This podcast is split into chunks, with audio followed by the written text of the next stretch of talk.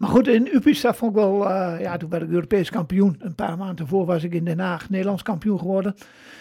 Maar goed, dat Ook op was, de halve, hè? De ook op de halve, ja. Ja. ja. Verschrikkelijk warm, 47 graden, luchtvochtigheid 99 procent.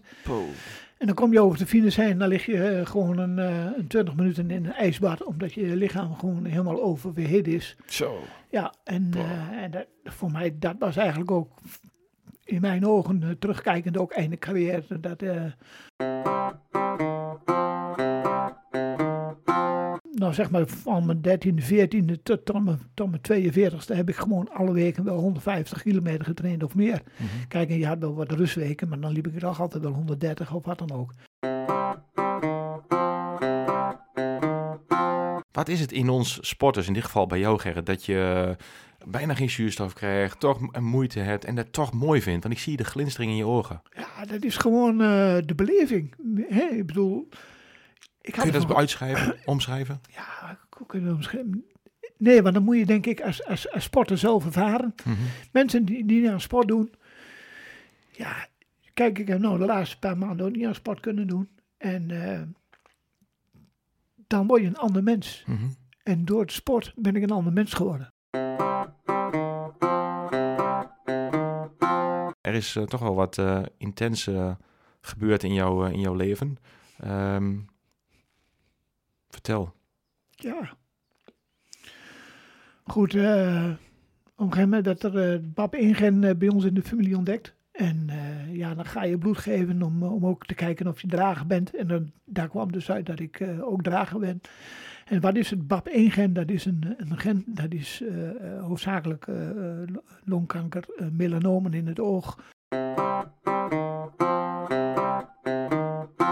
Ik had twee opties, eventueel bestralingstraject ingaan, waarbij ik ook het zicht van het oog zou verliezen. En, ja, en ik had de keuze om het oog eruit te laten doen. En Mhm. die ingreep, daar heb ik voor gekozen.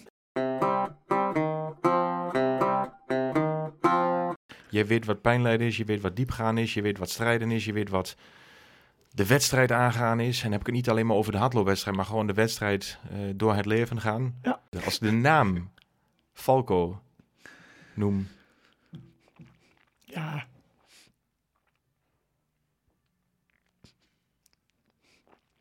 Dat was natuurlijk wel een. eh,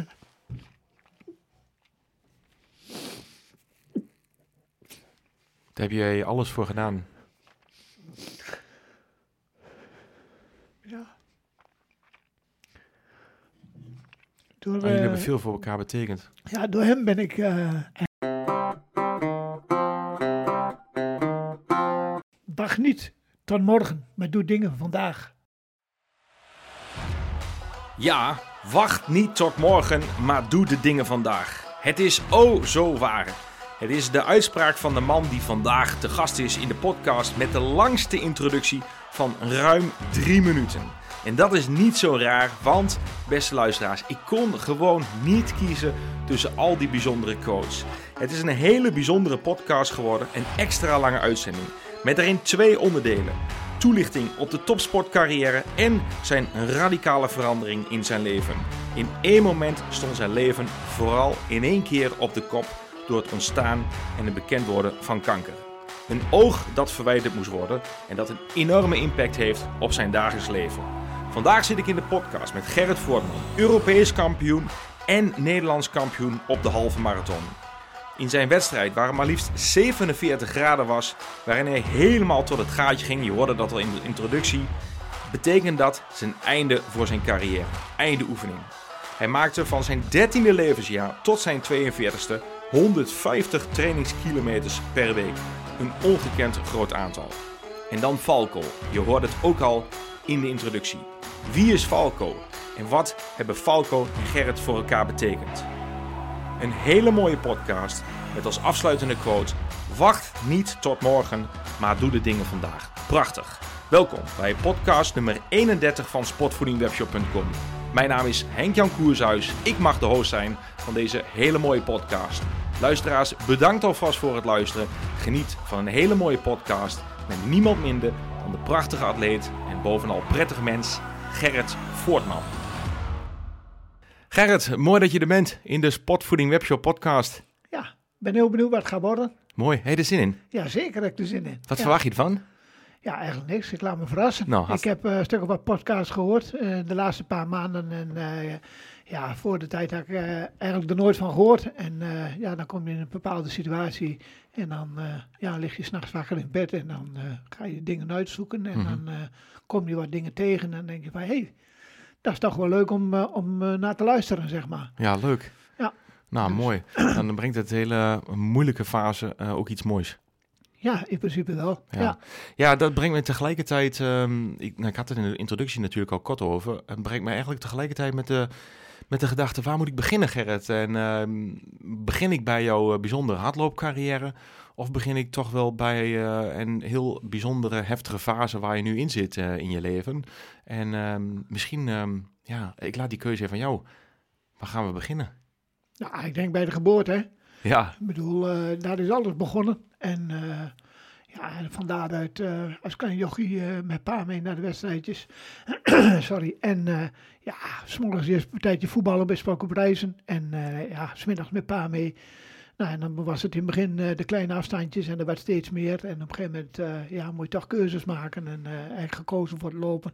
En daar is eigenlijk wel een beetje mijn, mijn basis begonnen, zeg maar, in, eh, in de sportwereld. was het echt een, hardlo een hardloopfamilie, Gerrit, eh, waar je uitkwam? Ja, of eh, echt ja. meer in de voetbal? Nee, echt een hardloopfamilie. En eh, mijn ouders liepen ook alle twee hard. Die hebben elkaar eh, ook in, eh, tijdens de atletiek leren kennen, zeg ook maar. in reizen? Ook in reizen. Toen Wat was, leuk. dat, toen was dat RV, zeg maar. Ja. En ja, goed, en zodoende ja, ben ik eigenlijk ook een beetje in, met het hardloopvirus besmet. Mijn broer daarentegen, die heeft helemaal niks mee. Die is liever met oude brommers en spullen aan sleutelen. En, nou, en ik ging een, eh, een rondje hardlopen met pa en met ma, zeg maar. Mooi. Dus, Hey, en wanneer, werkte je, wanneer merkte je dat je, eh, dat je heel goed was? Want eerst als klein eh, jongetje, eh, de kleine Gerrit Voortman, die heeft vooral heel veel plezier gehad, denk ik, in het begin. Ja, heb je altijd ongetwijfeld gehad. Maar wanneer merkte je dat je, dat je nou ja, toch wel beter was dan de rest? Nou, ik denk in, in Haarlem was dat. Dat was, in Haarlem of Haarlem? Haarlem. Mhm. Dat was de Koep de Nationale Nederlander was dat. Dat was een, een, een nationale wedstrijd. En ja, dat ging, dat ging gewoon hartstikke goed. Eh, dat was een 3000 meter. En daar werd ik toen tweede, dat weet ik nog wel. En dan was ik ja, B, eh, B of C junior of zo. En toen had ik zoiets van, ja, toen eh, werd er wel een beetje gekeken van... hé, hey, die, die voorman, daar moeten we in de, in de wedstrijden rekening mee gehouden. Dan moeten we een smies houden. Ja, en, maar goed, in de regio was je al wel met, zo met de vijf kilometers en zo. En dan, ondanks dat ik vrij jong was, eh, liep ik al vrij voor in mee. En eh, ja, dat zijn wel dingen wat dan eh, voor jezelf eh, ja, meetelt om, eh, Mhm. hè, om, om lekker ermee bezig te zijn. En, ja, goed, ik was dan eh, op een gegeven moment voetbalde ik en liep ik hard. En, ja, dan, Die voetbal- combinatie deed je ook nog. Ja, in ja. het begin wel, in het begin wel. En wat is eh, het begin, als je praat over begin, hoe oud was je toen? Hoe oud ben je dan? eh, een jaar of tien, zeg maar. Goed, ik, als klein jochie, Dan ga je voetballen. vier, vijf jaar, liep ik, ging ik al met mijn pa mee eh, rondje hardlopen. Dus, dus eigenlijk, ik loop vanaf, eigenlijk vanaf mijn geboorte, zeg maar, zo gauw ik kon lopen, ben ik gaan hardlopen. En, en ja, dat is eigenlijk gegroeid tot, ja, tot een dagelijkse bezigheid. Ja, alleen eh, in het begin, ja, je woont in Rijssen, dat is een gereformeerde afdeling. Dus in het begin was de zondag was eigenlijk wel, eh, wel de rustdag. Mhm. En dat heb ik ook altijd gerespecteerd. Zolang ik eh, bij mijn ouders thuis heb gewoond, heb ik altijd de zondag als rustdag gehouden. Maar daarentegen trainde ik op een gegeven moment wel ja, 12 tot 13 keer in de week. Zo. Ja. Zo.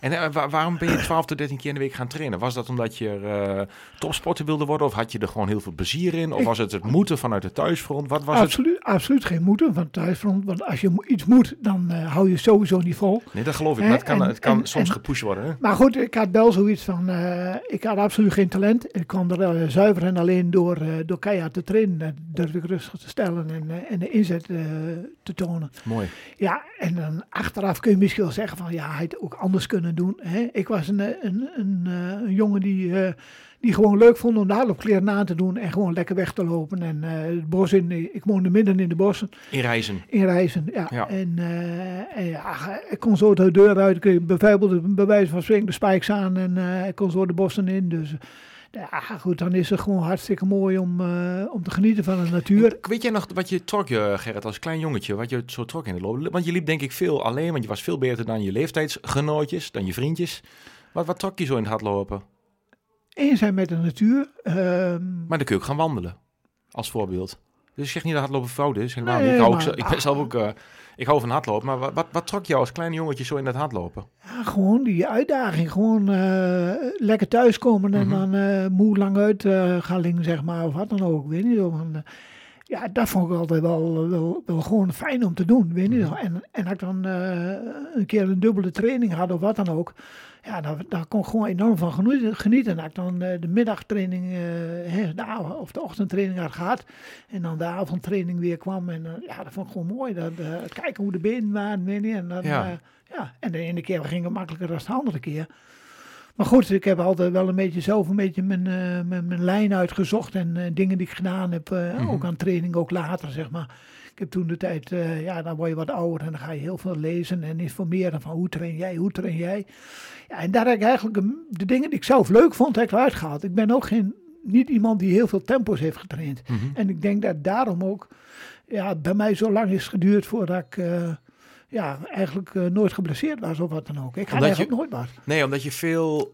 Deed je veel duurtrainingen dan? Ja, ik wil zeggen eh, een LSD lopen, zeg maar, long slow distance. Ja. En eh, veel kilometers maken in, in een laag tempo, dat vond ik gewoon heerlijk. En gewoon, gewoon lekker die, die motor aanzetten en, en draaien en gewoon gaan. Ik ga dan misschien wat sneller in de tijd, maar ehm, met langzame duurlopen. uiteindelijk heb je toch een 10 kilometer gelopen onder de 30 minuten. Eh, oftewel in de 29 minuten. Ehm, hoe, hoe kom je uiteindelijk, en ik ga misschien nu heel snel even in de tijdlijn van Gerrit Voortman. Hoe kom je dan als kleine jongetje, die een fanatieke, enthousiaste hardloper is, die gewoon van nature denkt, ik vind het lekker om, eh, om weg te lopen. Hoe kom je dan uiteindelijk van die langzame duurlopen naar die eh, recordsnelheid van eh, 29 minuten op de 10 kilometer? Kijk, op een gegeven moment ehm, weet je ook dat je je tempo's moet doen en, en noem maar op. En dan, eh, dan ga je er ook wel mee, eh, mee aan de slag. Maar dat was niet mijn voorkeur. Nee. Ik, vond, ik vind tempo's om eh, 20 keer 400 op de baan, dat vind ik niks. 10 keer 1000 op de baan, dat vind ik niks. Dan deed ik liever eh, gewoon op de weg weer niet. En dan eh, eh, een keer tot die eh, lantaarnpaal of tot die boom. weer eh, spelenderwijs. spelende wijze, echt een beetje de vaartlenkmanier. Ja. En ja, ik had eigenlijk wel een beetje snelheid vanuit mezelf, zeg maar. Ik kon Ja. wel redelijk goed, eh, ja, de been... eh, Even voor, Gert, ehm, eh, voor, de, voor de luisteraars, Gerrit, die niet bekend zijn met de fartlek training. Kun je dat in één of een paar Ja. zinnen uitleggen? Fartlek training? Vaarlek is eigenlijk een beetje een Zweeds, eh, Zweeds woord. Een Zweedse trainingsvorm. En dat houdt eigenlijk in, je, komt, je doet eigenlijk alles wat je tegenkomt in de natuur. Mhm. Eh, je kunt een boomstam een poosje meenemen. eh, een mullig pad, pak je even extra een mullige pad. bult op, bult achter. De ene keer ga je er hard tegenop, de andere keer ga je hard naar beneden.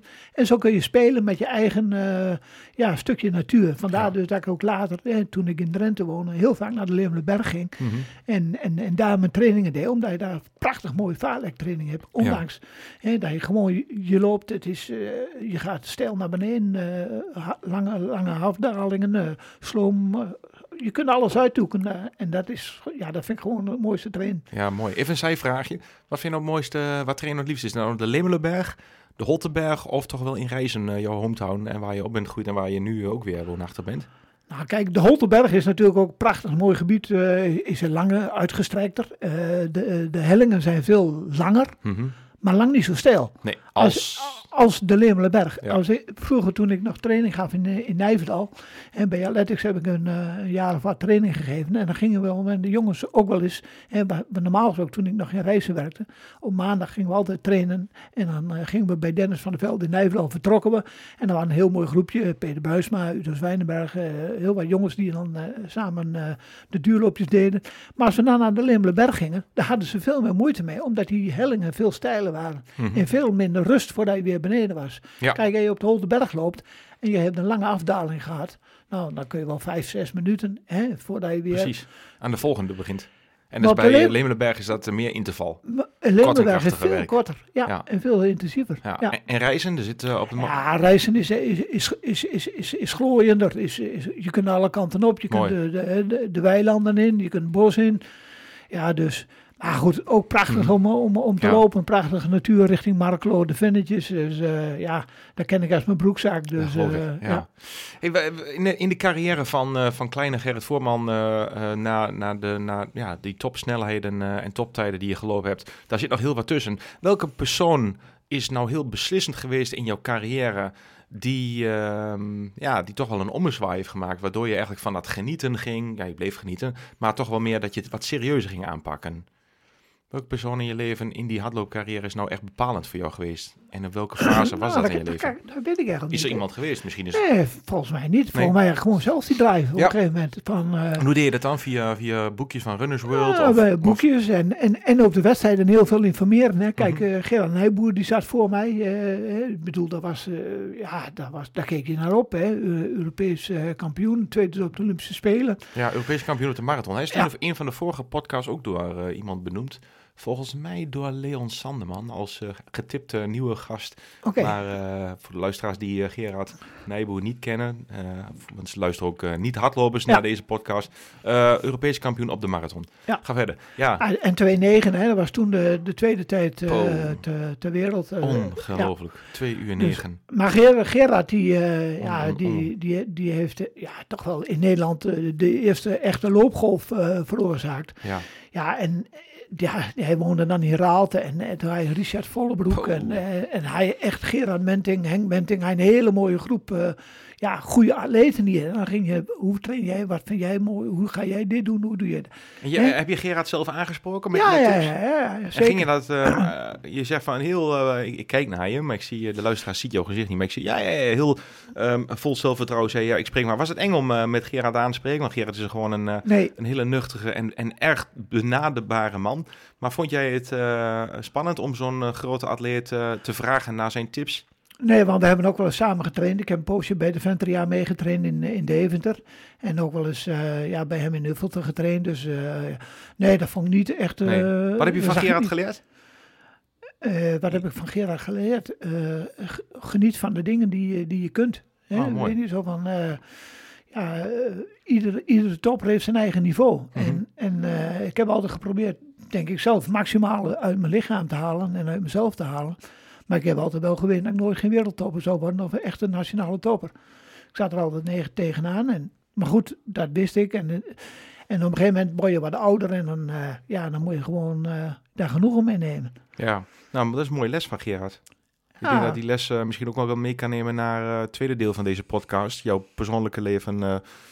nou ja, waar we in de introductie al heel kort iets over hoorden. En waar je nu mee te maken eh, hebt in deze eh, ja, toch wel eh, heftige tijd die je op dit moment eh, meemaakt. Als ik zo eh, eh, mag zeggen.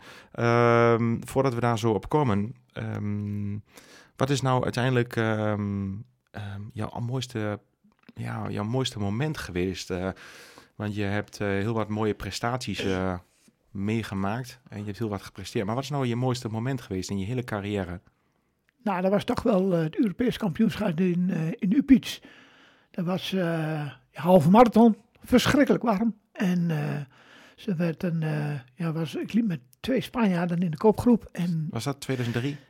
ja, was in 2003. Eh, Mhm. toen was de veteranen nog, hè, de masters, dat begon nog bij 40 jaar. Hebben ze, een paar jaar later hebben ze teruggebracht naar de 35 eh, leeftijd.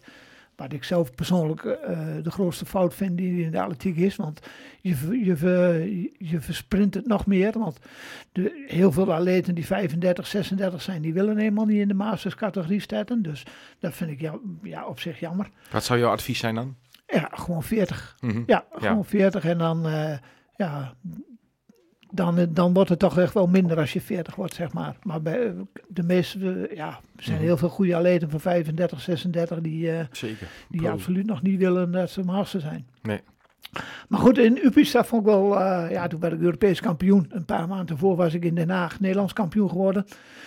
Maar goed, dat Ook op de halve, hè? ook op de halve, ja. Ja. ja. ehm, en, maar goed, in Upica was wel, ja, was wel heel mooi, want ik had het parcours al goed verkend. en, en de laatste paar honderd meter was echt heel, heel, heel, ja, best wel vrij eh, steile helling omhoog.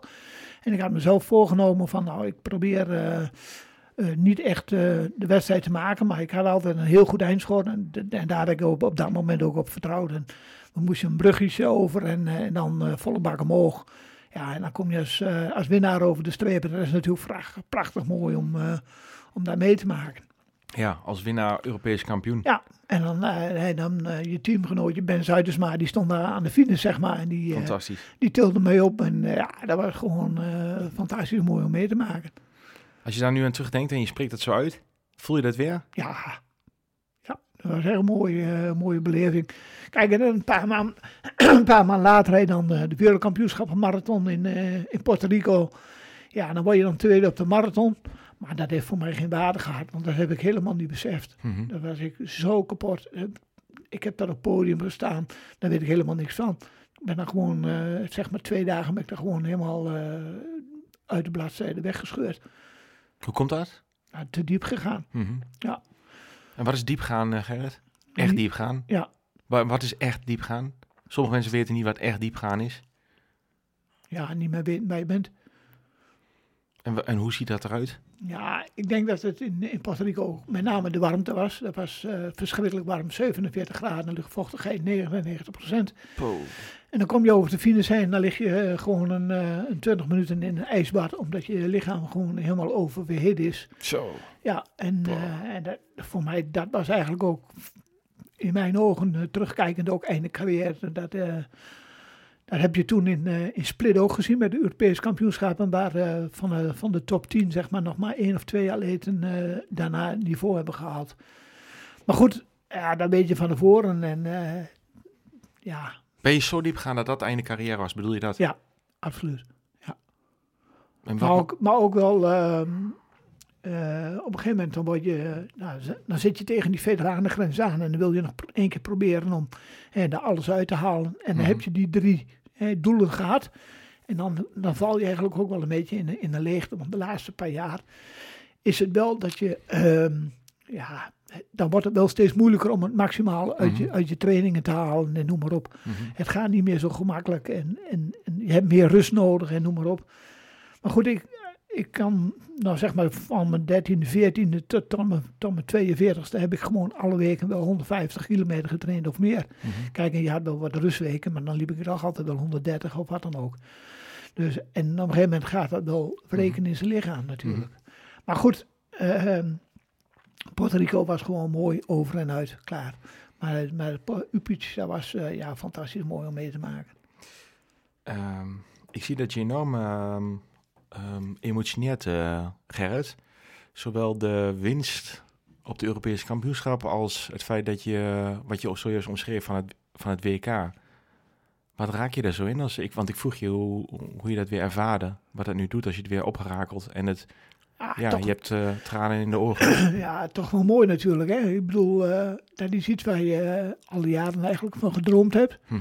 En ja, en dan, dan haal je op een gegeven moment wat. En, eh, bereik, of bereik je wat. Ja, wat is wat bereiken? Weet je niet zo van... eh, Ah, Maar zeker goed. wel. Maar goed, voor mezelf, ik bedoel, ik heb me echt wel eh, mijn hele leven eh, eraan gewaagd, zeg maar. En, en, en voorop gegeven. En dat wil niet zeggen dat ik altijd als een, als een monnik geleefd heb, absoluut niet. Maar ik heb wel ja, heel veel mooie dingen door de sport gezien, maar ook wel door de sport dingen moeten laten Mhm. en, en willen laten, zeg maar. En daar heb ik ook absoluut geen spijt van. Want als ik het over zou moeten doen, zou ik het zo weer doen. Nou, Mooi. goed. Maar goed, eh, ja. emotio- wat- emotioneert het dan dat je die titel hebt gehaald en dat je daar weer aan terugdenkt? Of, Ja. of echt maar al die opofferingen die je gedaan hebt? Of is het het, het, het Eh. bijzondere wat je behaald hebt, de titel? Kijk, opoffering is het niet, maar dan hou je het niet zo lang vol. Nee. Het is, het is echt een, een voldoening waar je, waar je op een gegeven moment eh eruit haalt. Hè? Als, je, als je ziet, als je, mensen die eh, voor de eerste keer een marathon lopen, Mhm. die kunnen dat misschien ook beamen. Die Ja. doen ook eh, alles ervoor om, om die marathon uit te kunnen lopen. Mhm. Nou, wij willen dan graag wat harder lopen en proberen om, hè, om, om een medaille te halen of wat dan ook. En als dat dan lukt, ja, dan ben je gewoon blij. En dan heb je gewoon een, eh, een goed gevoel daarover. Mhm. Tenminste, ik wel. En dan kan ik nog, eh, ja, nog met veel, eh, veel plezier aan terugdenken. Mooi, kan ik zien. Ja, Is, het, ehm, is de medaille nog ergens zichtbaar in Huizenvoortman? Of, Ja, of een herinnering van de halve marathon? ik had, eh, ik had de drie kampioensmedailles had ik op, eh, op mijn wedstrijdhemdje eh, van destijds gemaakt, zeg maar. En, maar goed, met de verhuizing is die een keer omgevallen en gesneuveld en het glas is gebroken. En dan moet, er- dan moet altijd nog weer opnieuw glas in. Dus ja, hij, ligt ergens op de vliering, maar eh, ja, moet eigenlijk nog een keer weer eh, gerestaureerd worden en eh, mooi opgangen. En, ja, en voor de rest, toen ik, toen we verhuisd zijn naar, naar Rijssen, toen, toen had ik zoiets van, ja, toen ik in 2004, 5 stopte, toen heb ik alle bekers, uh, ik had een bekerkamer, heb ik alles opgeruimd, alles in dozen gedaan en alles op de vliering gezet. Alleen uh, die drie kampioensmedailles, zeg maar, die, uh, die hingen in, bij ons in, de, in, in Steenwijksmoer in de keuken. En daar was ik trots op. En, ja, vanzelfsprekend. Maar voor de rest, de acht van de bekers, op een gegeven moment ben je er wel, wel een beetje klaar mee. En, maar goed, toen, toen gingen we verhuizen en toen zei mevrouw van, ja, wat wil je ermee? Hè? Zo van, ik zei, ja, nou, ben niet. Maar goed, ik had er twintig jaar ook niet, niet weer naar gekeken. Dus dan denk je van, ja, wat moet ik er ook mee? Dus ze zijn allemaal, uh, ja, allemaal naar, uh, naar de kringloop gegaan. En, uh, en, daar waren ze er blij mee, denk ik. Mooi. Daar zijn ja. heel wat bekers geweest. Ja, een hele auto, echt een hele auto vol. Ja. Oei, oei, dus, oei. Gerrit, ja. je hebt wat gewonnen, nee. Ongelooflijk. Ja, ja, maar goed, daar wil, kijk, een beker wil altijd niet zeggen. Soms moet je een beker, een hele grote beker met een heel klein loopje. Mm -hmm. Maar soms kon een, een, een vierde of een vijfde plaats kon veel mooier zijn als die hele grote beker. Ja. Zelfs als in Berlijn liep ik 2,21. Was ik eerste Nederlander. maar goed, dan loop je een hele goede marathon. Maar ja, dan sta je niet op het podium. En dan vertel je dat in, in, in mensen die naar de sport. Hoeveelste was je dan? Ja, weet ik niet precies, 36 of zo. Oh, nou, ik niet, ben niet zo van. Ja, terwijl als je eerste wordt in, uh, ja. in uh, nou ja, whatever. Ja. Een klein wedstrijdje. Dan klein wedstrijd, zo, oh, ja, wow, wow. precies. Terwijl je dan denkt van, jongen, maar dat is nog lang niet 36 worden op de Nee, nee. internationale Ja. top marathon van Berlijn. Ja, maar goed, dat is uh, Ja. Maar dat, daar kun je ook alleen maar, die, dat kun je ook alleen maar op waarde schatten als je zelf eh precies. Als je zelf bent en op hoog niveau Ja. sport. Ja. Anders voel je dat niet. Nee. Zo had ik eh, kort geleden nog ehm, een, een, een gesprekje met Luc Maas. Ja. En ehm, die zei van... ehm, ik vroeg, ik vroeg aan hem van wie, is- wie is jouw inspiratie, wie is je voorbeeld? Hij zei dat is Kipchoge. En ehm, nou ja, de hardlooplegende. En eh, die, ik, ik vroeg hem waarom is dat dan weer? En hij zei van ja, mensen, als je niet hard loopt, dan kun je niet voorstellen hoe hard dat is. Nee. Dat is, dat is je kan niet voorstellen hoe hard twee uur op een marathon is. Twee Ja. uur in. Dat kun je niet voorstellen als Nee. je niet loopt. Goed. Maar ook als je, als je loopt, hè, kun je het nog niet voorstellen. Nee, nee, Want- dat is ook... Als, Nee. je, als ik dan kijk, eh, ik heb dan nu jaren eh, aan, aan de zijkant eh, op de atletiekbaan gestaan als trainer zijnde. En als ik dan zie hoe hard de jongens liepen, dan denk ik van, oeh, we gaan ze hard. En dan Mhm. keek ik en denk ik, ja, ik liep vroeger nog een paar seconden harder, weet je niet zo. Dan kun je op een gegeven moment kun je dat van jezelf ook helemaal niet meer voorstellen, dat Ja. je zo hard gelopen hebt. Mhm. Je had het net over die eh, eh, 10 kilometer onder het half uur. Dat kan ik me helemaal niet voorstellen. Als, Nee. ik, als ik nu, eh, ik bedoel, we hebben vroeger eens eh, met, een andere eh, loopmaatje van mij, Jan de Kade. En zijn we wel van, nou, 10 kilometer niet meer onder de 40 minuten kunnen lopen. Dan, eh, dan stand me met. Nou, nou zijn we blij om bijvoorbeeld eh, 10 kilometer onder de 50 minuten lopen. Maar we doen wel de schoen aan, gewoon, Ja, omdat, precies. gewoon omdat we het leuk vinden. Ja, En dat is, en dat is ook de, de, Ja. de beleving die Ja. je nu hebt. ja, ja. Ja, Vroeger was je gewoon Uh-huh. ja mooi. Volle bak. En eh, Ja, hè, ik bedoel, dan liep je met twee vingers in de neus, liep je gewoon eh, Ja, een bepaalde tijd. ja. En nu eh, heb je de kop helemaal andersom staan. En dan Uh-huh. kun, je, kun je net eh, 10 kilometer halen bij wijze van. Mhm. Ja. Ja, ja joh, wat is, wat is er veel voorbij gekomen in die carrière van, van ongekend snelle tijden, hè? die, die, die sub 30 op de 10, eh Europese kampioen op de half marathon, ehm, tweede op het WK. Ehm, als je daarna teruggaat, ehm, is er dan een moment geweest waar je van terugkijkt dat je denkt van, eh, want je zei het einde carrière over, ik heb daar 20 minuten eh, echt voor pamper gelegen, eh, helemaal kats van de wereld. Ehm, is er een moment geweest dat je daarop terug hebt gekeken? Want je zei net al, ik heb nergens spijt van, maar waar je toch terugkeek en dat je dacht van, oeh, daar had ik, daar had ik anders moeten doen of kunnen doen? Zit er een- Nee, want Als, je, als je op een gegeven moment... Dan Of ben je, zit je gewoon in die tunnel en dan zeg je zit van, je, ik ga, Precies. de- ik zeg altijd, net een paard met van die oogklemmen op. Hè? Ik bedoel... dat is eh, onderdeel van topsport. Yes, en, en je gaat ervoor of Ja. en anders dan... eh, that's it. Part of the deal. Ja, precies. En als je iets wil doen, moet je het maximale doen. En, en, eh, en Ja. nu wil ik gewoon lekker eh, genieten. Mhm. En, eh, ja, nou, en als ik dan wat harder loop, is mooi meegenomen. En dan gaat het wat minder, dat is dan jammer. Ja. Maar goed, ik heb wel, eh, ja, me wel een beetje een ander doel voorgesteld. eh, en nu, eh, nu ik weer in Rijssen woon. En ja, er zijn toch wel wat dingen veranderd in mijn leven. dat ik eh, dacht van, goh, misschien toch wel een keer leuk om een keer weer proberen om de mouwen op te stromen. Om, Mhm. om weer wat in wat harder te lopen. Nee, niet zo van... maar ja, goed. Die vraag ga ik zo, eh, ehm, zo stellen. Maar goed, komma, dus niet punt, maar komma. Maar ik la- laat de luisteraar nog heel even in spanning. Want ik heb nog één andere vraag voordat ik daar naartoe ga. En dat is, ehm, wat heeft het topsportcarrière jou gebracht, eh, Gerrit? Wat heeft het hardloop leven Nou, ik heb, ik jou heb, gebracht? ik heb heel veel gezien van de wereld. Hè. Ik bedoel, eh, vele mooie tripjes gehad. Wat is je mooiste trip geweest? Eh, dat was een cadeautje toen ik 50 werd van mijn vrouw. Toen, eh, toen mocht ik eh, naar de Tenzing Hillary Marathon in, eh, in Nepal. En dan sta je op, op Basecamp, waar je dus 12 dagen gaat wandelen met de rugzak op naar, naar de stad. Dan zit je op eh Wow. 5400 meter Hoe heet dat, hoogte. zei je? De Tenzing Hillary Marathon, dat is de. Mount Everest Marathon. Zo. En die is eh, 29 mei net weer gehouden. Dus dat is altijd op 29 mei. Po. En hoeveel mensen doen daar mee? Een paar honderd. Zo. Ja. En je staat op Basecamp. Je, je staat op Basecamp en dan loop je eigenlijk weer, eh, weer terug naar 3200 meter. En hoe hoog is Basecamp? Eh 5400 meter. Ja. Zo. En je loopt alleen maar naar beneden dus? Ja, Maar maar dat is ook wel zwaar, toch? Naar beneden dat, is, lopen. dat is zwaar, maar goed. Maar Mensen je denken gaat, naar ook, beneden lopen. dus- je gaat ook op en neer natuurlijk. ja, maar of, je staat op Overal gezien. 5400 meter en dan, naar- eh, en dan ga je terug naar 3200 Oké. meter. En dan, dan zit je bij de start en, en dan, dan lig je daar s'nachts ook in, in, zo- in zo'n iglo-tentje, zeg maar. Want je, moet daar eh, zeg maar twee dagen acclimatiseren. En dan lig je daar gewoon s'nachts, word je wakker, gewoon te hyperventileren. Omdat je geen zuurstof hebt. Dan denk je, oh ja, oh ja gewoon Rustig, blijven, rustig. Mhm. En dan, ga, en dan moet je nagaan, en dan moet je ook nog gaan hardlopen. Dan is zo Mhm. in- apart, weet je niet zo van, je, je, er is geen zuurstof, Mhm. bijna geen zuurstof, veel minder als, als we gewend zijn. En dan moet je dus hardlopen naar beneden toe en over de rotsblokken en de ijsblokken en noem maar op. Ja, dat vond ik een prachtige Ik zie ook de glinster, glinstering in je ogen. Maar wat maakt het dat je dat... mm, Want iemand die niet naar sport... Nou ja, die luistert misschien helemaal niet naar deze podcast. Maar ja, je, je daagt jezelf uit en eh, je, je triggert jezelf. Je motiveert jezelf. eh, je wil je soms zelf je wel pijn doen of uitdagen. Wat, wat is het in ons sporters, in dit geval bij jou Gerrit... dat je bijna geen zuurstof krijgt, toch moeite hebt... en dat toch mooi vindt? Want ik zie de glinstering in je ogen. Ja, dat is gewoon eh, de beleving. Hè? Ik bedoel... Ik Kun je dat uitschrijven, omschrijven? Ja, hoe kun je dat omschrijven? Nee, want dan moet je denk ik als, als, als sporter zelf ervaren. Mhm. Mensen die, die aan sport doen. Ja, kijk, ik heb nou de laatste paar maanden ook niet aan sport kunnen doen. En eh, dan word je een ander mens. Mhm. En door het sport ben ik een ander mens geworden. Mhm. En daar kun je van genieten. En daar kun je de mooie dingen uithalen. En dat is gewoon, ja, zoveel meerwaarde geeft dat.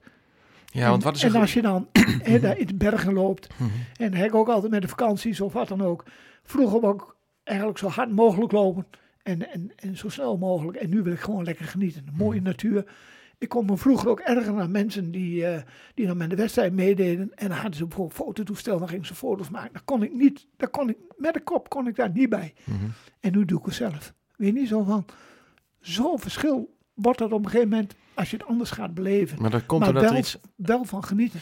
Ja, en het komt omdat er iets heftigs eh, eh, recentelijk in je leven is voorgevallen. Nou, nee, maar kijk, toen ik op een gegeven moment het wedstrijdnummer zeg maar aan de kant heb gelegd, dan ga je een wedstrijd een ander beleven. Kijk, ik, eh, ik beleef nu de sport om, om ja, gewoon lekker bezig te zijn, ervan te genieten en noem maar op. En dan is er gewoon, ja, Mhm. kun je af en toe eens een keer andere dingen doen. Ja. Ehm, want sport maakt je een ander mens. En ook niet sporten maakt je ook een ander mens. Ehm, we gaan naar het tweede deel eh, van de podcast, eh, Gerrit. Ehm, ja, we hebben het al een aantal keren eh, benoemd. Ik zei, ik, ik, ik wilde nog wat weten van je, van je topsportcarrière natuurlijk. En hoe je dat eh, hebt aangepakt en hoe je dat hebt ervaren en beleefd. Ehm, je hebt ons daar al in meegenomen in een aantal hele nou ja, bijzondere momenten. Ehm, maar nu, ehm, ja, nu, nu staat het leven er ietsjes anders voor. Of heel anders. In ieder geval, eh, er is eh, toch wel wat intens gebeurd in, jouw eh, in jouw leven. Vertel. Ja. Goed, op een gegeven moment dat er eh BAP 1-gen eh, bij ons in de familie ontdekt. En eh, ja, dan ga je bloed geven om, om ook te kijken of je drager bent. En dan, daar kwam dus uit dat ik ook drager ben. En wat is het BAP 1-gen? Dat is een, een gen, dat is hoofdzakelijk longkanker, melanomen in het oog.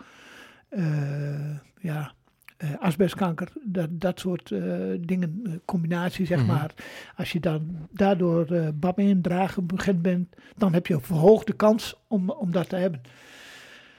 Nou, dus ja, via bloeduitslag bleek dus dat ik de ook drager was daarvan. En dan ga je op een gegeven moment ga je dan naar Leiden toe voor, voor een algehele onderzoek. En ik had zoiets van, nou ja, het zal om tien uur bij de oogarts. Om 12 uur door de scan en half twee bij de huidarts. En om, om twee uur zit ik op, op terras in Leiden.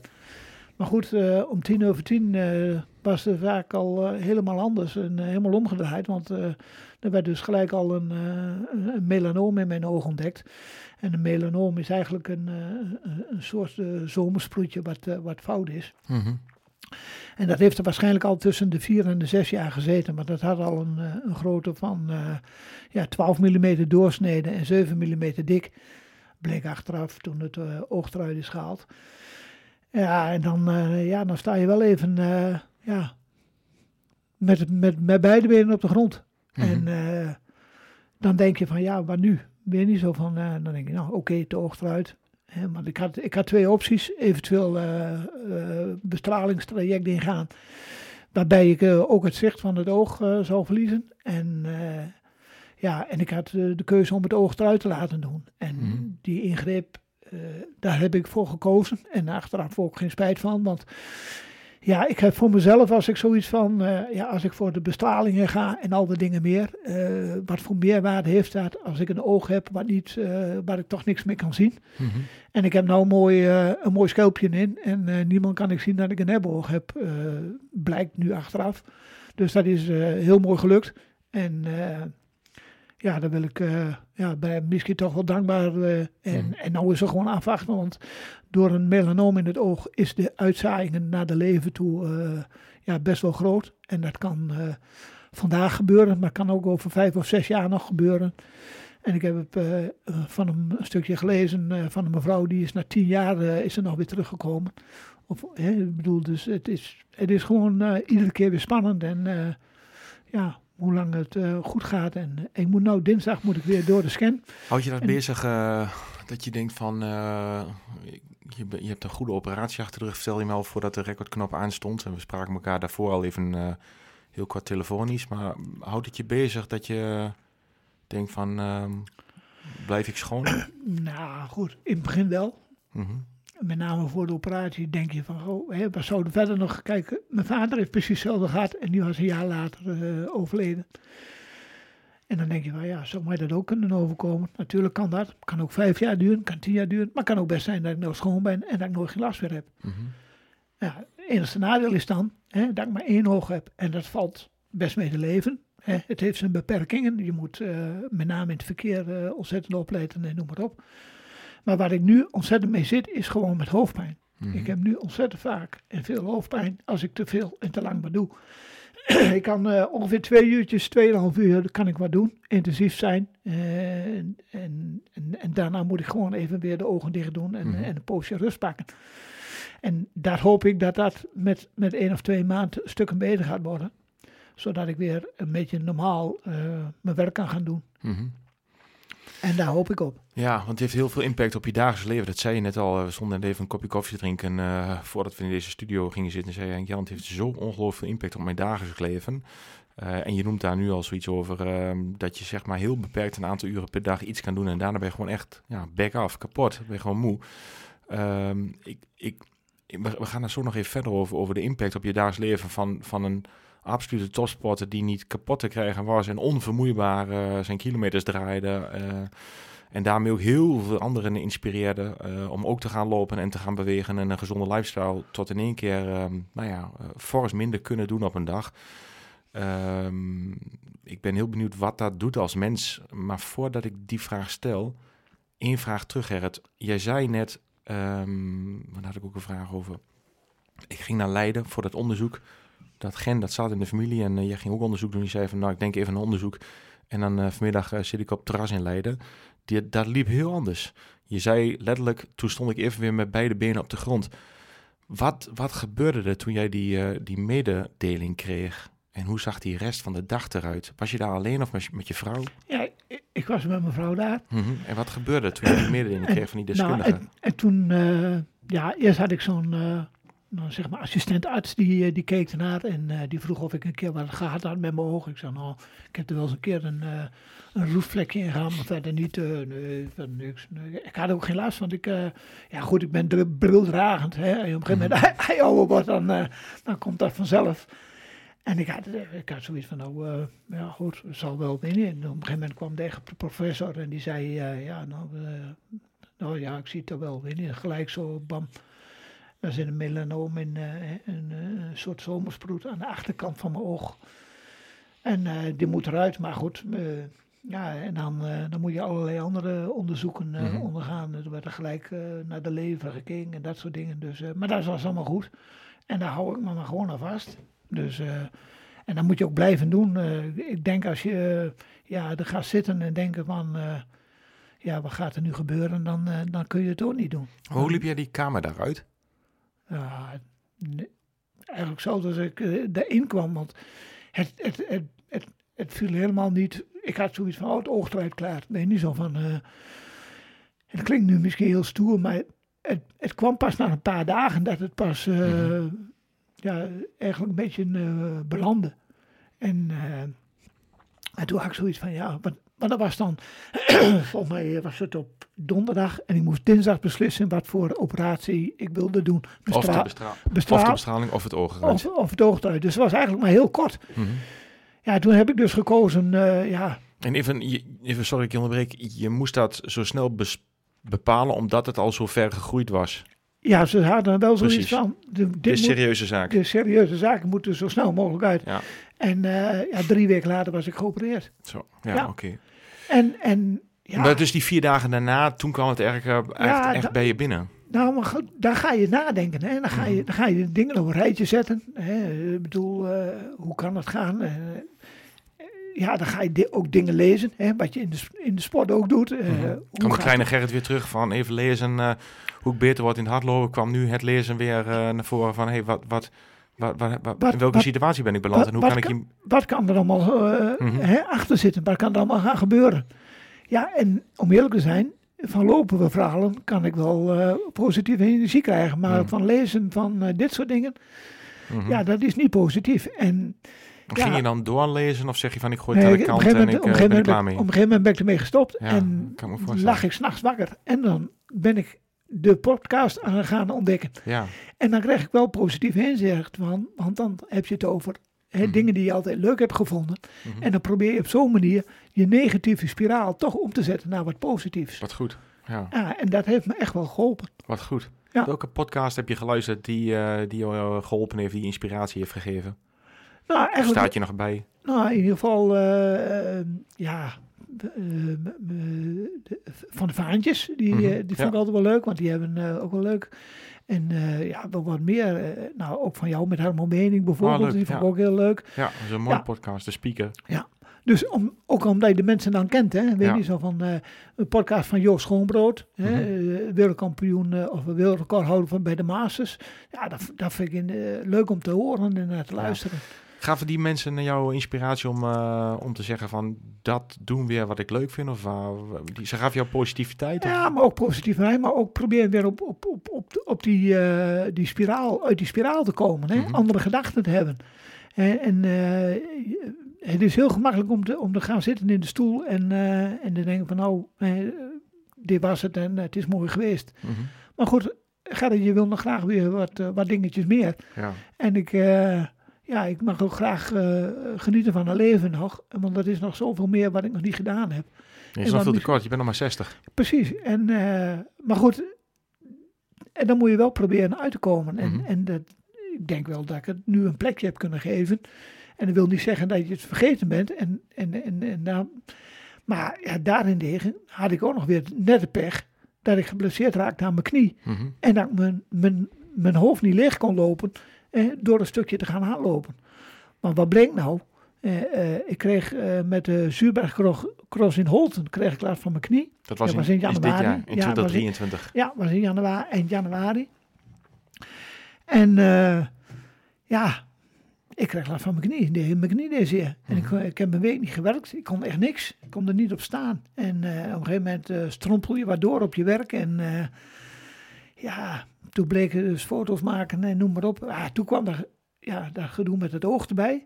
Dus dan komt dat knie in, in de achtergrond, want dit moest alle minuut. En, mm -hmm. uh, ik prioriteit moest, nummer één. Prioriteit nummer één. En ik moest toch, mocht absoluut niet aanlopen. Ik moest rustig aan doen.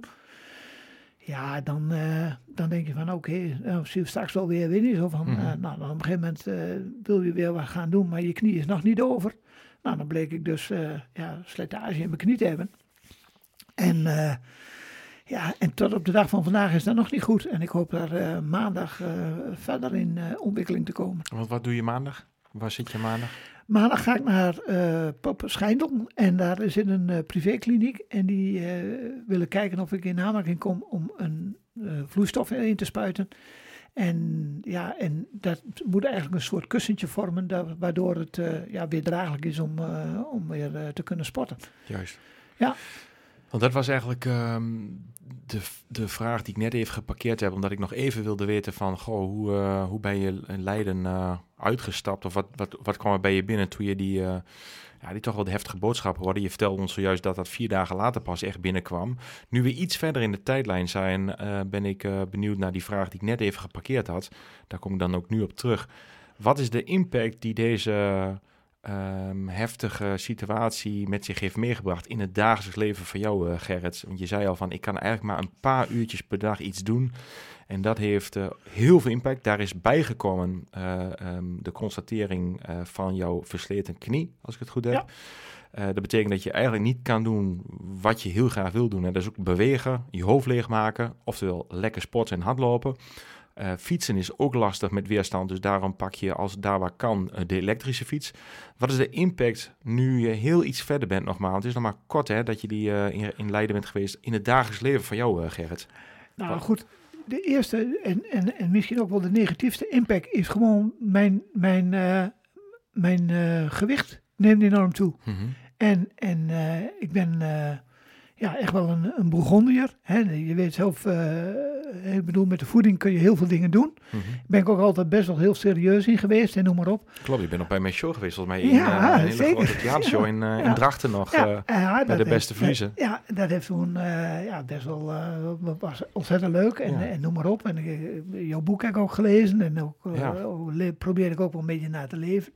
Maar als zoiets binnenkomt, dan gebeurt er wel iets dat je denkt van, nou ja het zal op het moment wel even winnen. Zo van, uh, mm-hmm. Je krijgt wel meer visite over de vloer. Uh, je drinkt een keer een biertje meer, noem maar op. Ja, dat zijn allemaal dingen waar je de volgende dag normaal gesproken eruit loopt en je verbrandt het wel weer. Maar nu doe je niks mm-hmm. en je zit er maar een beetje. Ik verveel me echt niet. Ik probeer wel dingen te doen. Ik slaap heel veel. Ik slaap wel een paar uur per dag. En ja, dat heb ik gewoon nodig. Overdag bedoel je? Ja, ja gewoon ja. overdag. En, en s'nachts slaap ik ook wel weer goed. En, uh, dus dat, dat, is het niet. Maar gewoon zoals nu zit ik hier bij jou aan tafel, maar ik nog straks thuis kom, dan moet ik gewoon absoluut, dan moet ik even naar bed. Mm -hmm. Anders uh, draait mijn hele hoofd draait door. En nou, uh, ja, daardoor verveel ik me ook niet, maar omdat ik toch wel veel op bed lig. Ja, je zei net al van dat je zei van Jan, als ik even met je praat, dan vind ik het ook wel fijn om gewoon even al pratende de ogen dicht te doen. Dan ben ik er wel bij, maar dan heb ik niet zeg maar die uh, dat, dat, gewoon dat felle licht in, het, uh, ja. uh, in mijn ogen. Wat voor de, wat voor de meeste luisteraars en ook voor mij gewoon, ja, gewoon is. Hè, dat je gewoon buitenlicht hebt, of in dit geval binnenlicht vanuit de studio.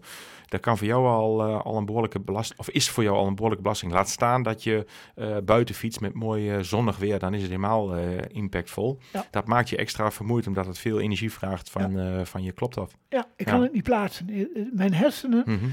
die zijn gewend 60 jaar lang om via twee ogen aangestuurd te worden. En mm -hmm. zo van de een op de andere dag wordt het aangestuurd door één oog.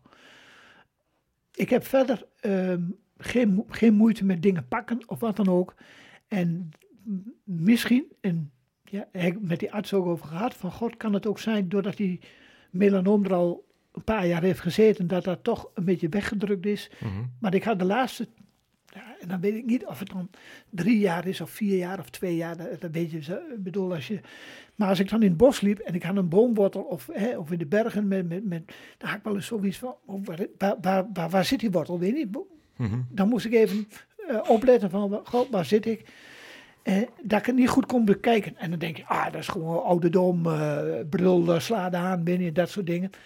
Maar goed, achteraf bleek het dus wel te kunnen dat dat waarschijnlijk door die melanoom komt. En daardoor is mijn uh, richtpunt al wel zo goed benaderd dat ik wel gewoon een kopje koffie kan pakken of wat Ja, dan ook. Je hebt eigenlijk heb al, het is al erg al, als het ware Ja. bijgesteld. Bijgesteld, daar heb ik dus geen moeite mee. Mhm.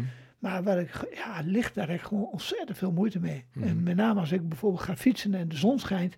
En ik fiets tussen eh, de bomen door en die zon komt door die takken heen. Ja, dan, is, het, eh, dan moet ik eh zonnebril op, pit op. En, en ja, dat, dat wil eigenlijk gewoon, dat gaat gewoon nog niet. Mhm. Dus ik was blij dat het vanmorgen bewolkt was. Nou, dat Ja. hoor je niet gauw van mij zeggen. Nee, nee. Omdat ik hier op de fiets naar Zenderen ben gekomen. Ja. En als de zon was gegeven, was het voor mij moeilijker geweest. Mhm. Maar goed, hier naar Zenderen is wel veel open stukken, dus dat was wel, vast wel goed gekomen. Gerrit, mag ik je vragen, wat doet je nou het meeste, meeste pijn of meest verdriet nu je eh, na lijden in het dagelijks leven? Iets, is er iets wat je nu niet kan doen of wat je niet meer kunt doen in de toekomst? Wat, wat, wat doet je nou het meest verdriet? Nou, het klinkt heel raar, maar misschien maar, wat ik nu zeg, maar mijn knie. Mhm. Want is mijn, niet oog, mijn oog kan ik niks meer aan doen. Dat is eh, over en uit. Hè. Ik bedoel, daar kan ik in principe wel honderd om worden. Hè. Daar kan ik eh, mijn werk nog wel om doen. Maar met mijn knie, dat is wel, ik kan mijn werk nou niet doen. Hè. Ik werk met mensen met een beperking. Hè, eh, dan ga ik hele dagen ga ik ermee sporten. Als ik gewoon een dagje werk, dan ben ik de hele dag aan het lopen met die cliënten. En dat kan ik nou niet meer doen. Dus voor mij is het ehm, eh, mijn knie op dit moment wel heel zorgelijk. Want als ik mijn werk niet meer kan doen. Ja, er zijn wel meer dingen natuurlijk. Je kunt het wel anders oplossen. Maar dat is wel een deel van mijn leven geweest. Hè? Ik bedoel, en ik zie ook met de cliënten waar ik mee werk dat ik mag blij zijn hè, dat het alleen mijn knie is. Want ik heb ook wel eens, hè, dan, post wel eens wat op eh, Instagram of Facebook. En dan zijn er ook altijd van die mensen die zeggen, ah, eh, je moet niet zo zeuren, uh, weet niet zo van, eh, er zijn zoveel mensen die dingen niet kunnen. Dat klopt ook. Maar ik probeer ook dingen ehm, eh, te posten om, om mensen te stimuleren van, het kan dan nog weer goed komen. Mhm. Het kan dan nog weer eh, de goede kant op gaan. En, en niet altijd bij de pakken neerzitten van, eh, nou, eh, dit wil niet of dat wil niet, dan stop ik er maar mee. Maar dat- is natuurlijk ook al een, een verkeerde insteek. Dus met name die knie, die, die speelt op dit moment heel erg parten. Het oog heb je... ja, je bent een strijder, anders heb je nooit zo, eh, zo, zo'n carrière achter de rug gehad. Ehm, je weet wat pijnlijden is, je weet wat diepgaan is, je weet wat strijden is, je weet wat de wedstrijd aangaan is. En dan heb ik het niet alleen maar over de hardloopwedstrijd, maar gewoon de wedstrijd eh, door het leven gaan. Ja. Eh, ook het genieten, maar eh, ik denk dat je begrijpt hoe ik dat bedoel, wedstrijd. Ehm, dus daardoor heb je dat met, kun je daar ook heel sterk volgens mij mee omgaan met het oog. Maar ik, ik snap dat je zegt van die knie, dat, ja, dat is wel een grote frustratie. Want het beperkt je in je dagelijks leven. Ja. En ehm, je werkt met ehm, mensen met een beperking. Als ik het woord, of de, niet het woord, sorry. Ik kom me net tijdig even weer. Als ik de naam Falco noem, Ja.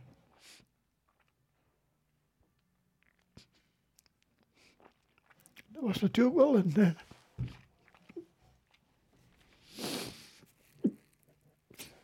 daar heb je alles voor gedaan. ja. Door, En jullie eh, hebben veel voor elkaar betekend. ja, door hem ben ik eh, eigenlijk een beetje in de zorg gekomen. Mhm. Kijk, eh, ik werkte bij, bij Spekkels in Reis. En met heel veel plezier altijd en noem maar op.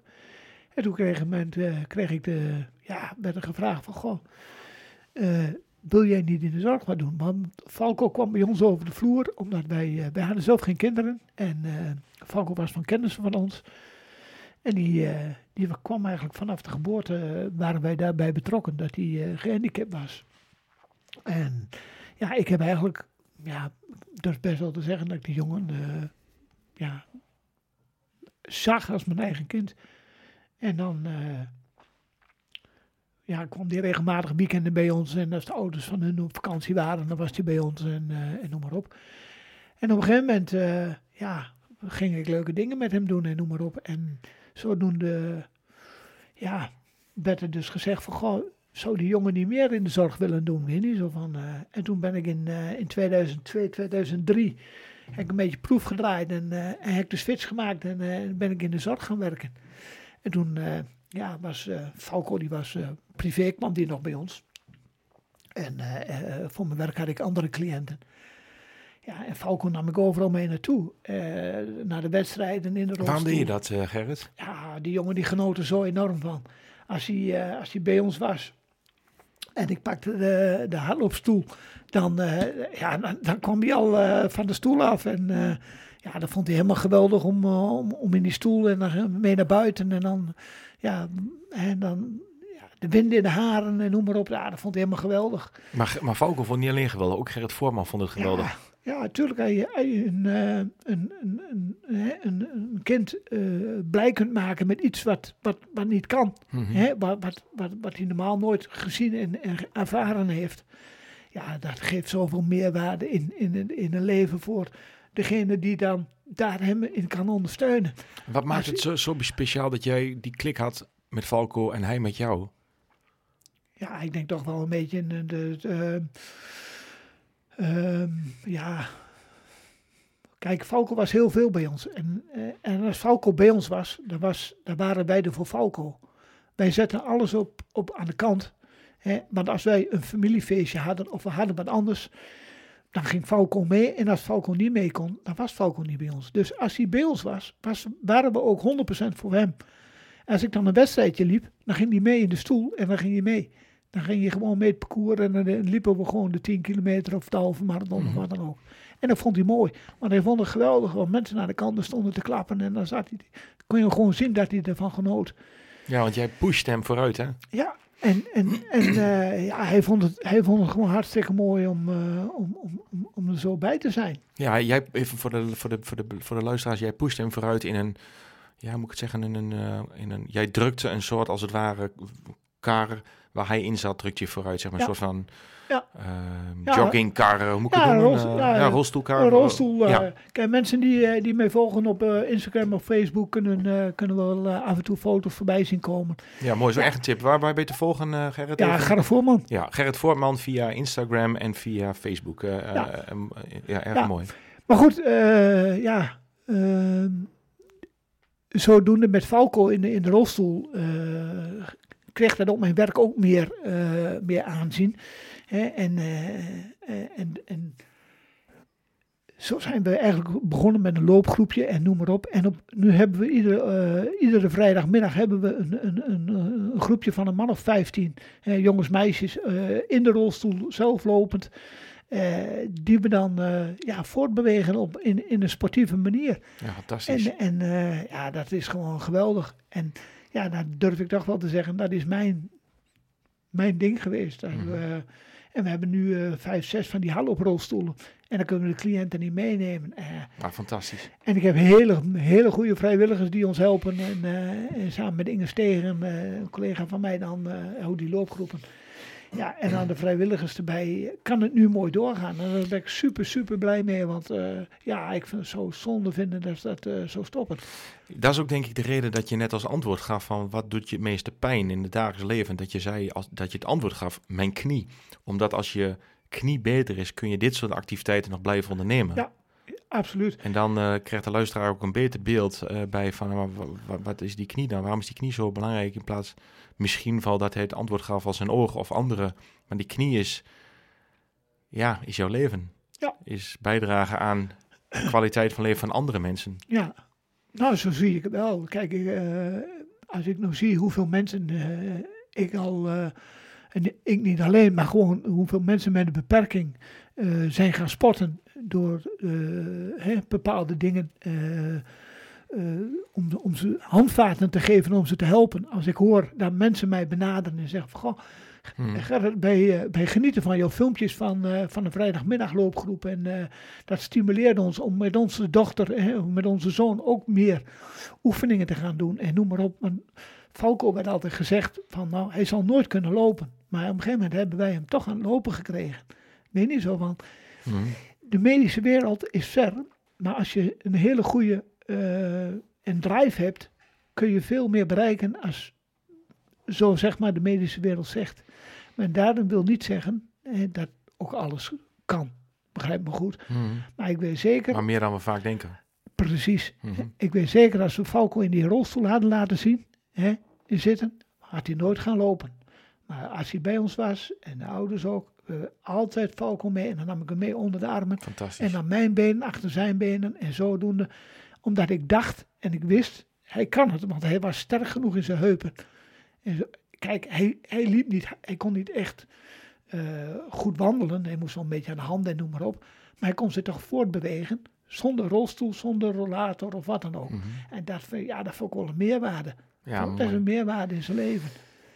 En als ik dan zie bijvoorbeeld een andere jongen waar ik heel veel eh mee gedaan heb, die woonde bij ons in het dorp, Harold Dekker, die woog 107 kilo. Deed niks aan sport, echt helemaal niks. En die heb ik toch op een gegeven moment zover gekregen dat hij is gaan lopen op een voetbalveld achter het doeltje. Eh, beginnen, lange stukken wandelen. En op een gegeven moment liep hij een halve marathon in 1 uur 51 Zo. liep hij eh, de station tot stationsloop onder Om de een... 1 uur 20. Zo. Ik zeg, als je onder de 1 uur 20 loopt, mag je mijn koop kaal scheren. En waar liep hij? 1 1958. Kijk, dat zijn Ja, leuke dingen. En dan, Fantastisch. als we een wedstrijd Mhm. hadden en, eh, en hij liep er, en dan liep iemand met een oranje shirt voor ons. En hij die inhaalt, gaan we straks Pak hem. Dan gaan we een dikke gangbal straks. Nee, nee. En daar kon je mee stimuleren. Ja, en, dan mooi. kon je, Fantastisch. en dan kun je niet de hele dag doen, die dikke Nee. gangbal. Nee. Maar af en toe, Mhm. kijk altijd over, de, over, over de bergtop lopen. Dan val je naar links en dan val je naar rechts. Maar kijken waar de mensen nog wel kunnen. Maar precies, en, en, en proberen ze te stimuleren op plekken waar je ze kunt stimuleren. Ja, dat is ook een beetje, als we helemaal weer terug gaan naar, het- of nou, niet helemaal, maar het begin, maar redelijk in het begin, is ook wel een beetje, volgens mij wat Gerard Nijboer zei van, Ja. kijk wat je maximaal uit je eigen motor, uit Ja. je eigen lichaam, uit je eigen leven kan halen. Ja, Ja, maar maar- dat, dat, is ook, ja. een- dat is ook een mooie van eh, wat ik nu dan, en, en wat ik toen, eh, toen ik stopte, nou zeg maar in, eh, in 2004, 2005, en had ik mijn werk, had ik, eh, waar ik echt met cliënten aan het trainen was, om, om, om zeg maar misschien 200 meter te kunnen hardlopen, hè, tussen Mhm. halingstekens. En dan terwijl ik in Hogeveen probeerde om de jongens zo hard mogelijk voor iedere seconde te gaan eh proberen beter te maken, zeg maar. Dat was, dat was voor mij na de tijd wel een hele mooie opvang. En dat verschil in, in, in, in, in benadering van, eh, van sport. De ene keer probeer je eh, zo hard mogelijk en zoveel mogelijk eruit te halen. En de andere keer probeer je er gewoon van te genieten en Ja. mensen in beweging te krijgen. Ook al zal het maar zijn met een balletje naar elkaar toe gooien. Mhm. Weet je zo van. Weet je wat ik zo mooi vind, eh, Gerrit? Ja, heel veel dingen. Maar een van de dingen wat mij zo eh, fascineert aan jou, ehm, ik ben benieuwd waar dat vandaan komt. eh, met de gedachte achter die vraag van wat kunnen anderen daarvan leren? En de vraag is, jij hebt eigenlijk een soort van dubbele lading in, jouw eh, in jouw hardlopen zitten. Enerzijds bij jezelf eh monsterlijk goed geweest door vooral keihard te werken. Je zei al van ik was niet de meest getalenteerde, maar ik kon wel knijten hard werken. Ehm, dus je hebt heel veel eh, bijzondere prestaties geleverd in de vorm van snelle tijden. En tegelijkertijd heb je aan de andere kant ook heel veel mensen met een beperking, waar het niet zat op het lopen van de snelste tijden, maar wel het meer uit je lichaam halen. Ehm, die werelden liggen vaak nog wel wat ver uit elkaar. Ehm, hoe heb jij die liefde voor beide werelden gevonden? Wat, wat, wat maakte dat jij die liefde voor beide werelden hebt? Ja, dat, kijk, toen ik bij Spekkels werkte, werkte ik in een café, slijterij, distilleerderij, van alles en nog wat. Had, had ik nooit gedacht dat ik in de, ooit nog in de zorg zou komen werken. Mhm. Echt niet. Dat is echt ontstaan door Falco. Ja, ja, precies. Zo met Falco, wat ik daarmee eh, eh, een meerwaarde in, in, in het leven van, hè, wat, is, wat is leven als je gehandicapt bent? Mhm. Als je niks kunt. Kijk, we hebben bij ons ook cliënten die gewoon de hele dag op bed liggen. Mhm. Ja, dat is een heel ander leven als bij iemand die nog een keer naar buiten kan. Hè, of iemand die een, een beperking heeft. Of iemand die hè, een, een Down-syndroom heeft. Die kunnen wel genieten van het leven. Maar als je daar de hele dag op bed ligt, Mhm. geniet je dan ook van het leven? In mijn ogen niet. Maar goed, Geeft alcohol je veel kracht nu je zelf eh, een, een, een, een keiharde mededeling hebt gekregen in Leiden? nou goed, kijk, Falco is eh, vorig jaar in november, eh, ja, al een jaar geleden overleden. Zeker, maar ik, maar ik bedoel zijn, zijn gedachten, wat je met hem meegemaakt hebt. Maar goed, ja, dan denk ik van, het kan erger. Je niet zo van, eh, als je dan naar hem kijkt, wat hij allemaal meegemaakt heeft en hoe vaak die in het ziekenhuis heeft gelegen en noem Mhm. maar op. En Zo, dat, zo bedoel ik het ook, ja. en, da- en dat is nu Mhm. weer zo van, ja, ik heb alleen maar een zere knie. Mhm. Weet je niet zo van, Dat is ja, wat ik bedoel. Alles wat je met hem hebt meegemaakt, geeft hij je kracht om, ja, als je want- weer aan jullie want- denkt. Ja, want eigenlijk moet je dankbaar zijn dat ik 60 jaar lang eh, alles uit mijn lichaam heb kunnen halen. Zonder ooit eigenlijk, ja goed, tuurlijk, je hebt wel eens een keer wat, maar zonder ooit maar echt geblesseerd te zijn. En ik heb eigenlijk nooit wat gehad. En nu in één keer kom ik met twee dingen tegelijk. Mhm. En, en mijn hele wereld stort in. Maar aan de andere kant denk ik ook van ja, er is heus wel weer een maandagochtend dat het Mhm. weer mooi weer wordt. Ja. Wat heb je van Falco geleerd? Doorgaan. Hoe heeft hij jou dat geleerd? Altijd vrolijk. Hij was altijd vrolijk. Als hij eh, ook nog zo veel pijn had of wat dan ook. Hij, eh, hij was altijd blij om ons te zien. En dat, ja, dat, ge- dat geeft toch wel meer kracht in, eh, in, in, in, in de jochie om. eh, ja, als je gewoon denkt. Weet je zo van. eh, ja, het was gewoon heel bijzonder. We hadden gewoon een, een bijzonder klink met elkaar. Mhm. Maar goed. Die tijd hebben we gehad. Maar goed, dat wil niet zeggen hè, dat we niet meer moeten proberen om, om, om andere mensen in beweging te krijgen. Zeker.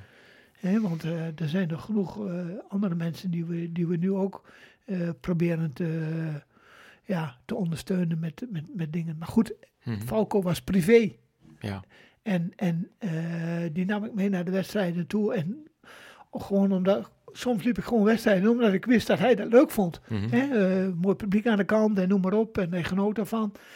Ja, Mooi, fantastisch toch? ja, nu is op een gegeven moment is Falco weggevallen. En dan denk je van ja, ik zit nou niet echt eh, eh, weer een kopie te halen met een andere cliënt Mhm. zeg maar, om te zeggen van nou, hè, de- maar goed, daarentegen wil niet zeggen dat ik nooit meer met, met, eh, met andere cliënten naar een wedstrijd zal gaan of wat dan ook. Dat absoluut niet. Maar goed, het is wel, eh, ja, het was wel een, een, een, een iets van, uit, ons, uit ons leven, Bijzonder, zeg maar. ja, ja. Ja. Nou ja, goed, je, het voelt ook als je zoon, dus dan is Ja, ja, dat daarom alles. en- ja. En dat, eh, ja, dat, dat kun je niet zomaar vervangen. Dat, eh, En dat hoeft ook niet. echt niet. Nee, dat is eh, de herinneringen koesteren en nog naar voren, naar terughalen. Ja. Wie, ehm, we gaan zo'n beetje richting het einde van de podcast, Gerrit. Ehm, heb jij nog een, ehm, een droom in het leven? Nou, dan moet ik eerlijk zijn. Ik heb niet echt dromen. Ik heb wel dingen die ik, die ik nog wil doen of die ik nog had willen doen. Maar ja, ik denk dat ik mijn leven wel, eh, wel heel mooi eh, ingericht heb. En, eh, ik ben heel blij dat we weer Rijssen wonen. Ik bedoel, dat is al... we hebben dan eh 30 jaar in, in Drenthe gewoond. Ook prima, helemaal niks mis mee. Maar nu woon je toch weer in Rijssen. En, en met name nu dan, eh, dat je dan hè, zo wat dingetjes tegenkomt. Wat, wat, ja, waar je wat, eh, ja, toch wel fijn bent om, om weer wat dichter bij de familie te zijn. Home sweet home. Ja, en mijn moeder woont een paar honderd meter bij me weg. Die kan mooi even aankomen wandelen. Fijn. Ja, dat is toch wel een, een, meerwaarde, laat ik zo zeggen. Dus, nee, maar goed, eh, ik mag heel graag op vakantie gaan, heel graag met je reizen en doen. En eh, de laatste weken zijn we ook heel veel met de camper weg geweest. En eh, ja, goed, dat is ja, hartstikke mooi om te doen. En dan ja, is het op het moment nog geen vakantie vieren, maar wel, ik kan wel even in een andere omgeving even een, een rondje fietsen. Mhm. En dan kom ik weer lekker bij de camper en dan even weer op bed. En smiddags even weer een rondje fietsen of wat dan ook. Andere omgeving doet wel heel veel goed. Mhm. En ja, ik hoop dat we ja, binnenkort weer eh, zelf een beetje kunnen eh, rijden en eh, de dagen wat langer kunnen maken. En dat, ja, dat ze volgende week wat aan mijn knie kunnen doen. En, en, en dat de scan volgende week goed is. En dan, ja, dan gaan we er weer voor. Dan hoop ik in, in najaar weer een startnummer om te kunnen doen. Geweldig. Heb je een, heb je een, is er een wedstrijd waar je dan graag zou willen staan? Ja, goed. ik, ik ben. Ik word ondersteund door Essex en eh, de Dam te Damloop is, eh, is altijd wel het eh, jaarlijkse evenement uitje voor ons. En hartstikke leuk. En ja, dat zou wel fantastisch zijn als ik straks bij de Dam te Damloop in Amsterdam halverwege september weer een startnummer op kan doen en, en erbij kan zijn. Dat, dat zou wel heel mooi zijn en daar zou ik heel veel voor over hebben. Ah, fantastisch. Ja. Ja, we zitten al over ruim over een uur en we hebben het over, ja, als ik het heel kort mag samenvatten, over drie hele mooie dingen gehad. drie intense dingen. Eén, je hardloopcarrière. Twee, natuurlijk uh, ja, jouw operatie en alles wat erbij is komen kijken rondom je oog. Ehm, en vervolgens natuurlijk ook je knie. En drie, ehm, de mooie en bijzondere tijd die je met Falco hebt mogen meemaken. En wat het nog steeds voor jou betekent. En andere cliënten natuurlijk. Al die drie bij elkaar opgeteld is een, ja, is een, is een is een mooi verhaal geworden, vind ik zelf. Heeft mijzelf ook wel geraakt. Um, is niet alleen... Ik ben niet de enige die het op heeft vallen. En toevallig is net de naam uh, gevallen, Essex. Je bent ook voor vele anderen een, uh, een inspirator. En dat is ook het schoenenmerk Essex opgevallen. Waardoor je ook voor hun, door hun benaderd bent om met jouw achterban als... ja, mag ik zo wel noemen, als influencer te posten via hashtag Essex Frontrunner. Ja. Uh, je zit uh, in dat team van Essex Frontrunner, een grote family met allemaal uh, Essex um, enthousiastelingen. Um, ja, dus denk ik ook wel even mooi om te benoemen. Ja, natuurlijk, daar ben ik ook hartstikke trots op. Kijk, toen ik, ik. ik. heb, ja, ik ben eigenlijk begonnen in, in, in, in, in de Karoo-tijd, zeg maar. Ik ben ongeveer 15 jaar ondersteund door de Finse Karoo. En uh, ja, toen een paar jaar door Saucony. En uh, ja, in, mijn, in de laatste jaren uh, als echt wedstrijdatleet vanaf ongeveer 2000 loop ik bij Essex. En toen ik in 2004, 5 stopte, heeft Essex mij nog steeds ondersteund via een sportzaak in Oogveen en noem maar op. En op een gegeven moment uh, ja, kwamen ze dus met het fronterende team. En uh, zodoende ben ik uh, daar ook in, in mee gaan draaien. Mooi. En dat vind ik ja, hartstikke leuk. En super mooie dingen doen we altijd. En, ja, ik zie al mooie uitstapjes allemaal voor jullie. En mooie, mooie events en een mooie club mensen bij elkaar. Ja, absoluut. En, en zo hebben we aan het eind van, van deze maand hebben we weer een, een, een weekend in de, in de Belgische Ardennen. Dus ik hoop dat ik daar ook ja, echt wel mijn steentje weer kan bijdragen. En en er weer bij kan zijn. Uh, en uh, ja, goed, uh, zo is het gewoon hartstikke leuk om, om, om het proberen om je, je, jezelf, ja, mensen te stimuleren om, om, om, om leuke dingen te doen. Mm hè? Want het leven is veel te kort om, om er maar te gaan zitten niks en, en kom in beweging. Ja, mooi. Ik heb nog um, twee vragen naar jou, Gerrit. Voordat ik die twee laatste vragen aan je stel, heb ik eerst vragen aan jou. Is er nog iets waarvan jij zegt, uh, Henk Jan, dat heb je mij helemaal niet gevraagd, jongen? Of uh, iets anders gezegd, daar wil ik nog even op terugkomen. Ik wil dat nog aanvullen of ik wil dat corrigeren. Of iets waarvan je zegt van, ja, dat, daar wil ik toch nog wel even vermelden. Nee, volgens mij we wel, uh, ja, best wel heel veel, ja, eigenlijk, eigenlijk volgens mij alles wel besproken. Nou, mooi. Nee, ik bedoel, ja, kijk, er zullen mensen zijn die zeggen van, ja, wie scherpt voorman? Ja, prima. Ja, goed, dat heb je toch. Uh, kijk, Na vandaag niet meer. Hey. Na vandaag niet meer. nee, maar, maar, goed, maar op een gegeven moment. Uh, kijk, toen ik wedstrijd aan lopen was. Dat was in de jaren uh, zeg maar 70, 80, 90, 2000. Ja, we zitten nu al in 2023. Mm. Dus heel veel mensen kennen mij helemaal niet meer. Ja, maar is na vandaag helemaal weg, jongen. Ja, maar goed. Hey. Nee, maar dat. dat en dat stoort mij ook niet, want dat, is ook, dat hoort er ook bij. Want eh, een poosje terug hadden we het toch een keer over Gerard Nijboer. En dat was ook een echte atleet. Die zei, maar wie is Gerard Nijboer dan? Dan denk ik hmm. van, jongen, waar ben je mee bezig? Weet je niet zo het is ook wel per persoon verschillend. Hmm. En, en uh, die mensen die in bepaalde dingen verdiepen, of, of eigenlijk helemaal niet. En uh, het is eigenlijk wel, ja, je leeft van dag tot dag, maar ja, ik kan gewoon terugkijken op een hele mooie periode. En ook vandaag een hele mooie podcast. Waar we denk ik uh, mij eigenlijk mijn hele leven wel een beetje. Uh, ik vond het heel mooi. Hebben. Ja. Dankjewel. Nee, je hebt je mooi samenvat. En ja, wat is, als veel mensen je kennen, volgens mij is de, is de, is de kwaliteit van het leven, uh, is het maximale uit jezelf en je geliefde halen. Um, is dat volgens mij de kunst van het leven en jezelf leren kennen, is al een, uh, een ware challenge. Um, en um, ik vond het heel mooi om met je te zitten, Gerrit. Ja, ik vond het heel mooi. Ja. Ja, ik vond het echt heel mooi. Wat mijn aanspraak, eh, het heeft ons uh, allebei een aantal keren uh, geëmotioneerd. Dat is niet voor niks. Dus wat mij betreft uh, zegt dat alles over de puurheid van jou en de, de, de open en eerlijke verhalen die je met ons en met alle luisteraars hebt gedeeld. Ik vond dat heel erg mooi. Dank je wel daarvoor. Um, dus ja, ik, ik, ja bedankt. Ja. Je hebt ons veel, veel moois gegeven. En ik hoop dat dat de luisteraars daar veel mooie lessen uit haalt voor zijn slash haar eigen leven.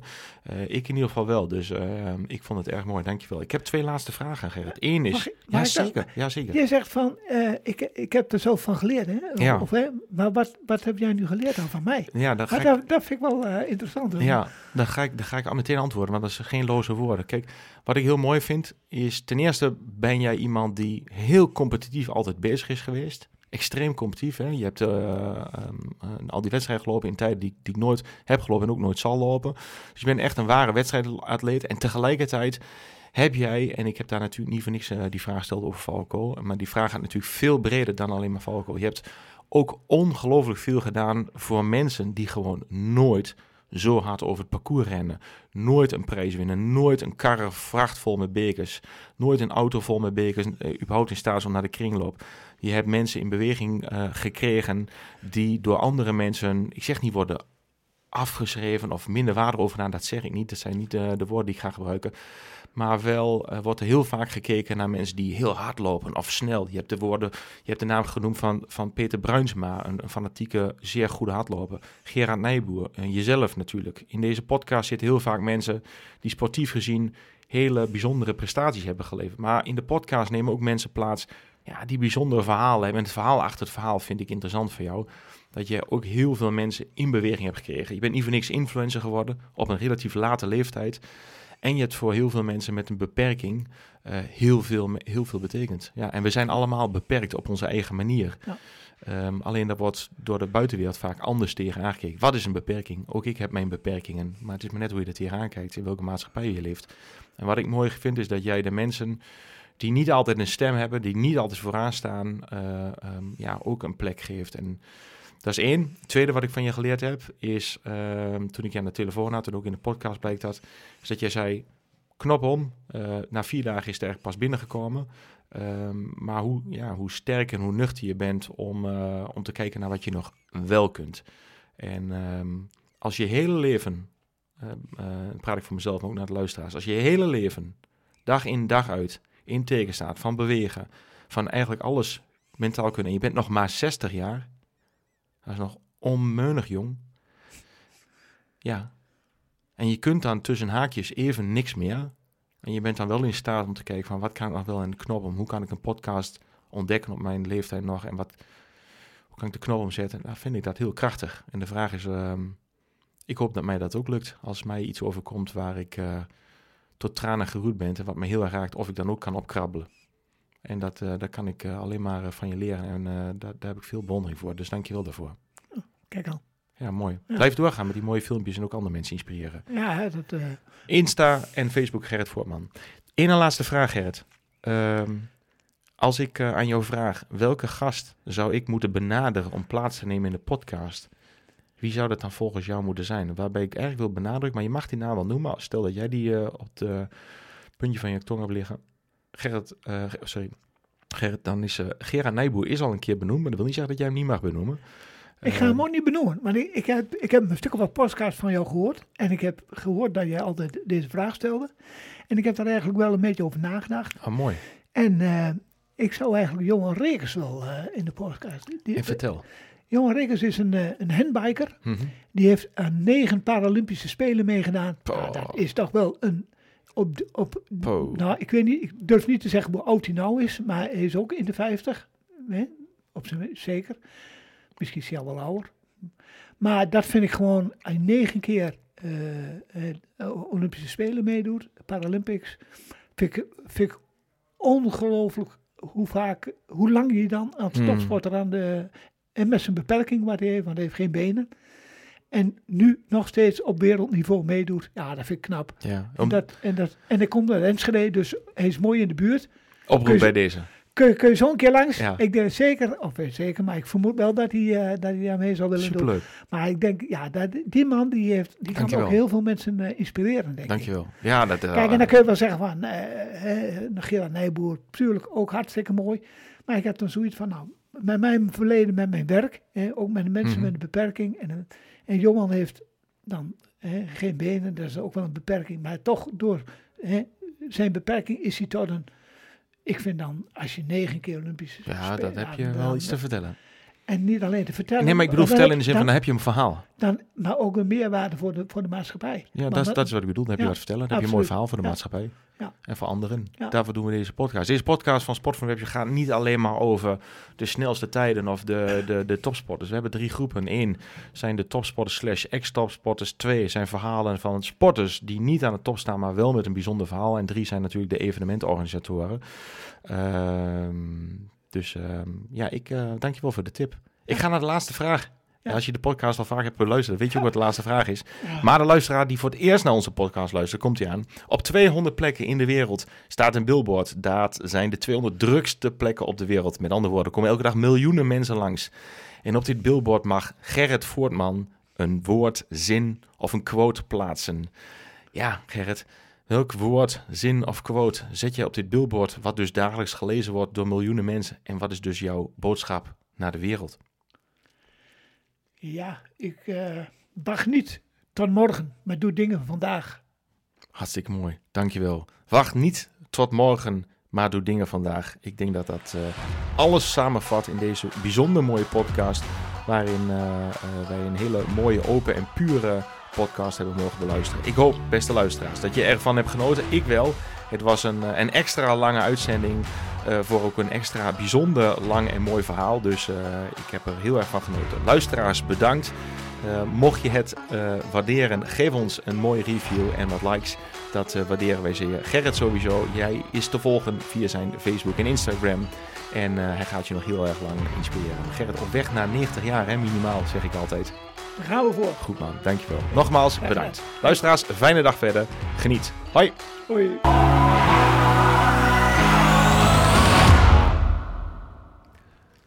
Nou, mooi. Ja, top man. Ben je... eh, Zo. Dat was hem. Ah, Mooi toch? ja, Dankjewel. Ja. Dat was een bijzonder... eh, ja, jammer dat ik eh, mo- moest janken, zeg maar.